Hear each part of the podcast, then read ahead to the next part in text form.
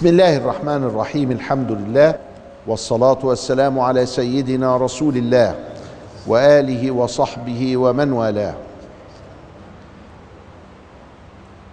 مع الأنوار المحمدية نعيش هذه اللحظات نطلب هدايته ونقف عند فعله وقوله صلى الله عليه وسلم. ونرى كيف كان يبني الأمم. سيدنا صلى الله عليه وسلم دخل المدينة في ربيع الأول من السنة الأولى التي أسميناها بالهجرة فكانت هذه هي السنة الأولى. وفي السنة الأولى كان صلى الله عليه وسلم يستطلع ما حوله. لما دخل المدينة من قبل قباء دخلها من الجنوب وفي مرة من المرات كان على سفر فدخلها من ثنية الوداع. فاستقبله أهل المدينة طلع البدر علينا من ثنيات الوداع. وجب الشكر علينا ما دعا لله داع. أيها المبعوث فينا جئت بالأمر المطاع. جئت شرفت المدينة. مرحبا يا خير داع. والمسلمون يذكرونها في الهجرة وهي في الحقيقة كانت في ثنيات الوداع. وثنيات الوداع ليست في الجنوب.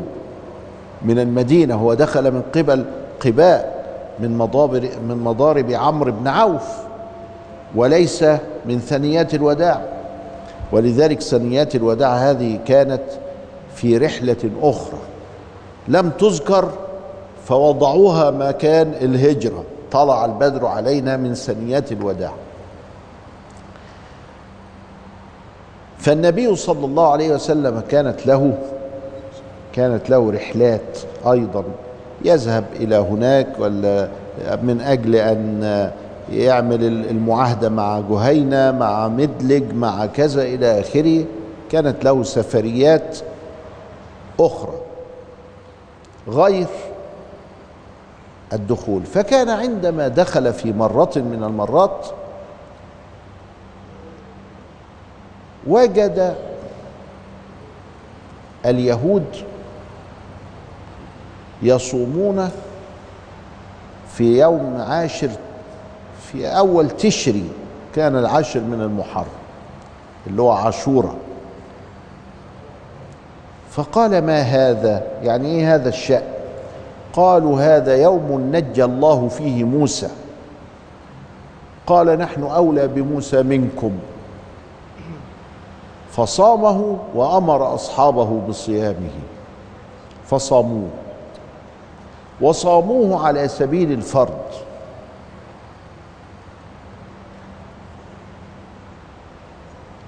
وبعد ذلك ويبدو أن هذا كان في محرم في السنة الثانية. جاء رمضان في السنة الثانية وأنزل الله فيه فرض الصيام. وأنزل الله فيه كيفية التعامل مع هذا الفرض شهر رمضان الذي أنزل أنزل فيه القرآن هدى للناس وبينات من الهدى والفرقان. فمن شهد منكم الشهر فليصم.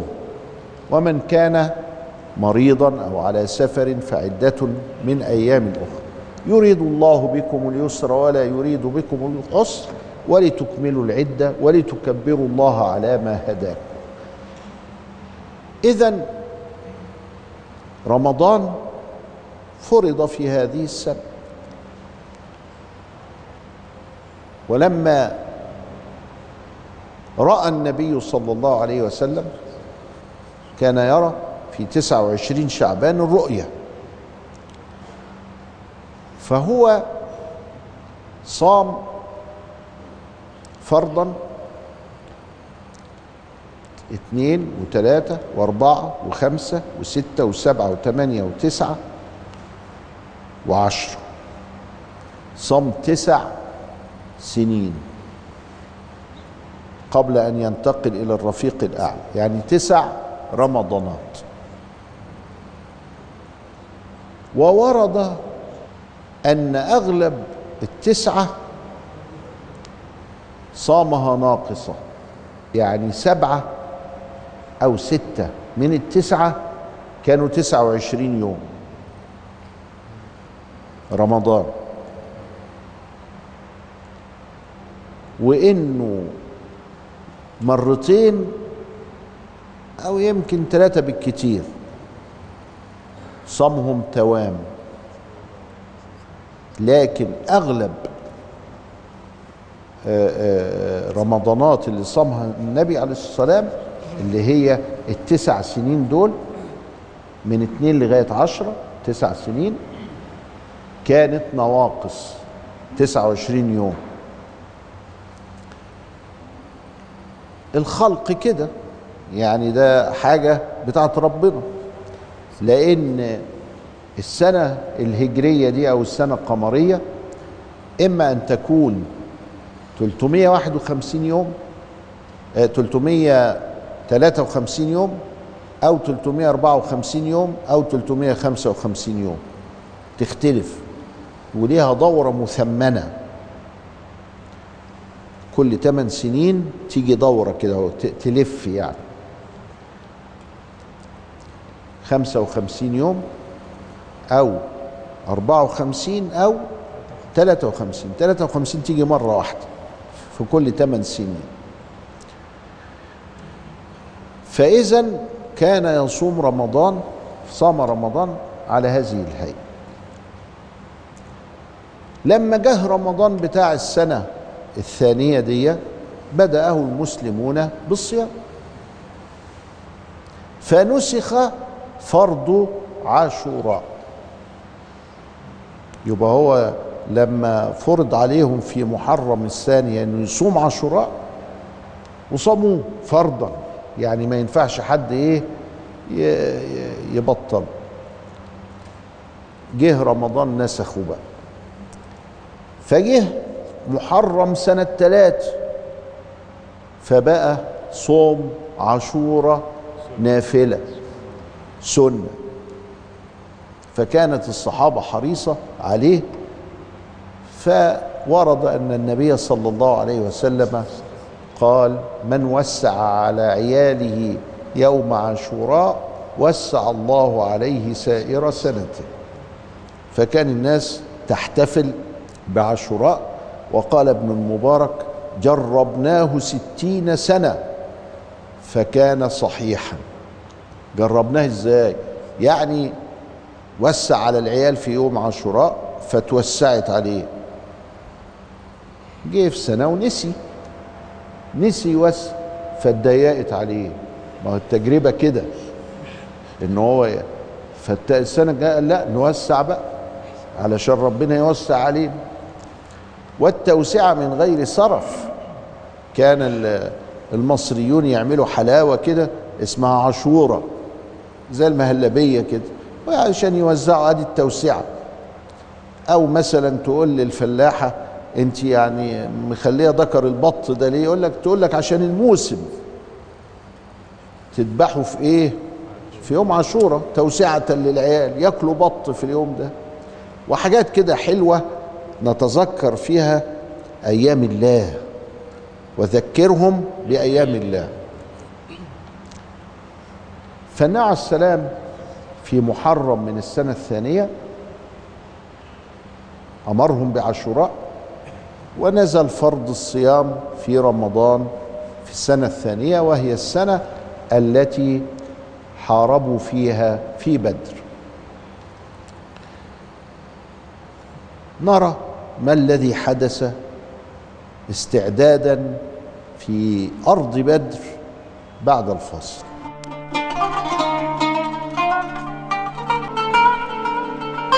بسم الله الرحمن الرحيم الحمد لله. والصلاة والسلام على سيدنا رسول الله وآله وصحبه ومن والاه.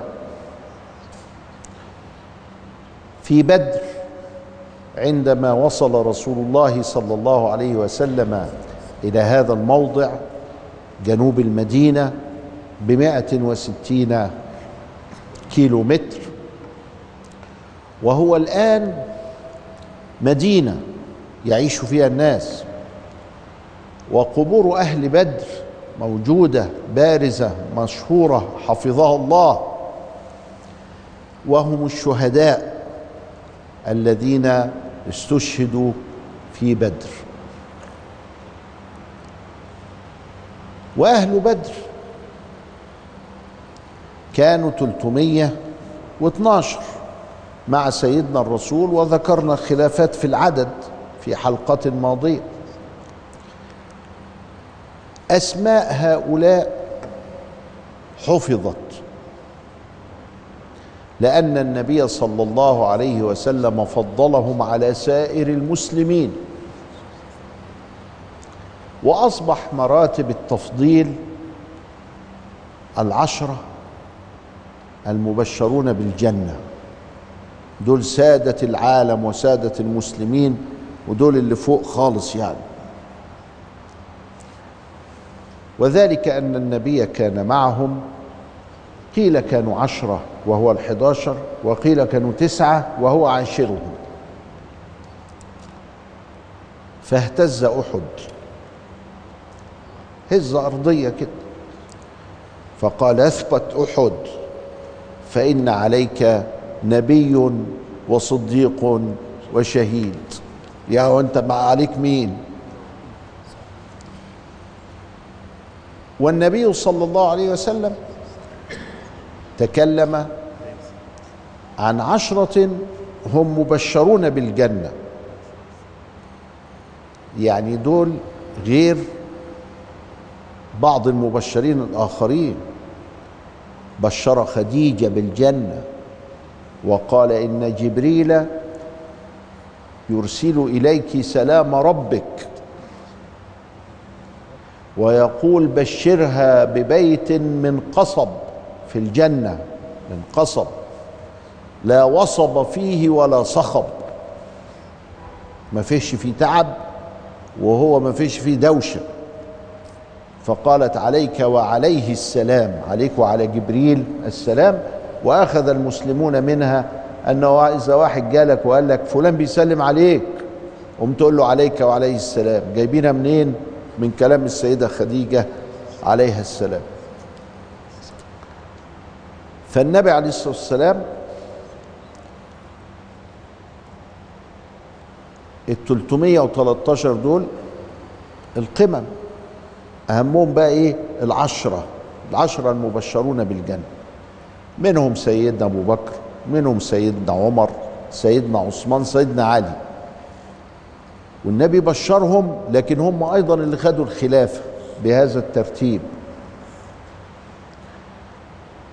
ومنهم عبد الرحمن بن عوف ومنهم سعد بن أبي وقاص ومنهم أبو عبيد ابن الجراح ومنهم نعم الزبير بن العوام ومنهم طلحة ومنهم سعيد.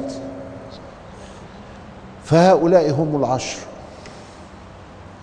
دول نمرة واحد. وفي ناس مبشرين بالجنة منهم السيدة خديجة منهم عكاشة. قال يا رسول الله ادعو الله أن يدخلني الجنة. قال إنك من أهل الجنة. فواحد تاني يحب طبعا ما يسيبش الفرصة دي. قال وأنا يا رسول الله؟ قال سبقك بها عكاش. ما هو هنقعد بقى وأنا وأنا, وأنا لا سبقك بها. يعني فضل الله يؤتيه من يشاء. الحمد لله. وبشر النبي صلى الله عليه وسلم. بشر الحسن والحسين بأنهم من أهل الجنة. بشر السيده فاطمة بأنها من أهل الجنة. وهكذا. اذا فالمبشرون بالجنة غير العشرة كتير ولكن العشرة أهمهم. من ضمن المبشرين بالجنة أهل بدر ال 312 وكان ديدن المسلمين عبر التاريخ إنهم يعملوا قصيدة ويجيبوا فيها أسماء ال 312 ويسموها جالية الكدر. ولما يبقى فيه دعاء عايزين ندعوه إلى الله سبحانه وتعالى ونتوسل بالصالحين وهو في صالح أكتر من كده من هؤلاء الذين حموا الإسلام ونشروا الدعوة و و و وصدوا الشرك وأهله ونصروا رسول الله صلى الله عليه وسلم وعزروه. قوم نجيب القصيدة ونتلوها وبعدين ندعي. يا رب بحق هؤلاء وما أكرمتهم وكذا إلى آخره يا رب نتوسل إليك. ولذلك الناس المسكينة اللي بيقول لك التوسل شرك يعني أشركنا ب 312 كلام لا, لا, لا علاقة له بالواقع كلام كذب. ده مش شرك ولا حاجة ده إحنا عند ذكر الصالحين تتنزل الرحمات. فاحنا بنتوسل إلى الله سبحانه وتعالى بيه يقول لك التوسل شرك. إزاي شرك؟ إذا كان ثبت في الكتاب والسنة. فاذا إحنا أمام برضو إيه؟ هجمة شرسة على ما فهمه المسلمون من الإسلام. عايزين يغيروه على هواهم هم على رأيهم هم. مش هيعرفوا. لأنهم لهم علماء. ولهم اتقياء الحمد لله. ما فيش. لا علم ولا تقوى. فيبقى اذا هيتبقى إيه؟ ظاهر كده بس. الحمد لله. المسلمون بقى لا. كانوا غير كده. وراحوا ذكروا ال 312 اسمائهم فلما لقوها أسماء كده إيه؟ ورا بعض هنقول إيه؟ سيدنا أبو بكر الصديق وسيدنا عمر بن الخطاب وسيدنا عثمان بن عفان وسيدنا علي بن أبي طالب وسيدنا الحارس وسيدنا فلان وسيدنا كذا. طب وبعدين؟ هم عملوها قصيدة عشان تبقى سهلة وعشان الأولاد يحفظوها وعملوها لوحات عشان يعلقوها. ثقافة. حضارة. حولوا المعاني إلى حضارة. وعلشان يتوسلوا إلى الله سبحانه وتعالى بفعل هؤلاء الصالحين سيدنا النبي علمنا إن في ثلاثة دخلوا غار اسمه حديث الغار في البخاري. فلما دخلوا غار وقعت صخرة عظيمة سدت الغار. فبقوا في ورطة. ده هم جوه الغار دلوقتي هيهلكوا. فراحوا. توسلوا إلى الله بأفعالهم. فالأولاني قال له يا رب أنا كان عندي آه واحد أجير فما خدش أجرته. فلما ما خدش أجرته خدت الأجرة بتاعته واستثمرتها له وجه لقى قطيع كبير من الغنم والبقر نتيجة لكده بعد عشر عشرين سنة. فقال لي أنا كنت لي عندك خمسة وعشرين قرش. قال له آه واستثمرت لك وبقى ده. قال له الله يخليك ما تسخرش مني اديني ال 25 قرش وأنا أمشي. فقال له والله أبدا كله ده ليك. فخدوا ومشوا فانفرجت الصخرة. فلما انفرجت الصخرة ما حدش عرف يطلع. التاني توسل والتالت توسل فابتدت يبقى كل واحد استفاد بفعل أخيه. فاللهم يا رب علشان الناس دي بتاع عملت في بدر كذا وكذا اغفر لينا. آه ينفع. ما هو حديث البخاري أهو. وهكذا. تشويش وتلويش. إلى لقاء آخر. نستودعكم الله. والسلام عليكم ورحمة الله وبركاته.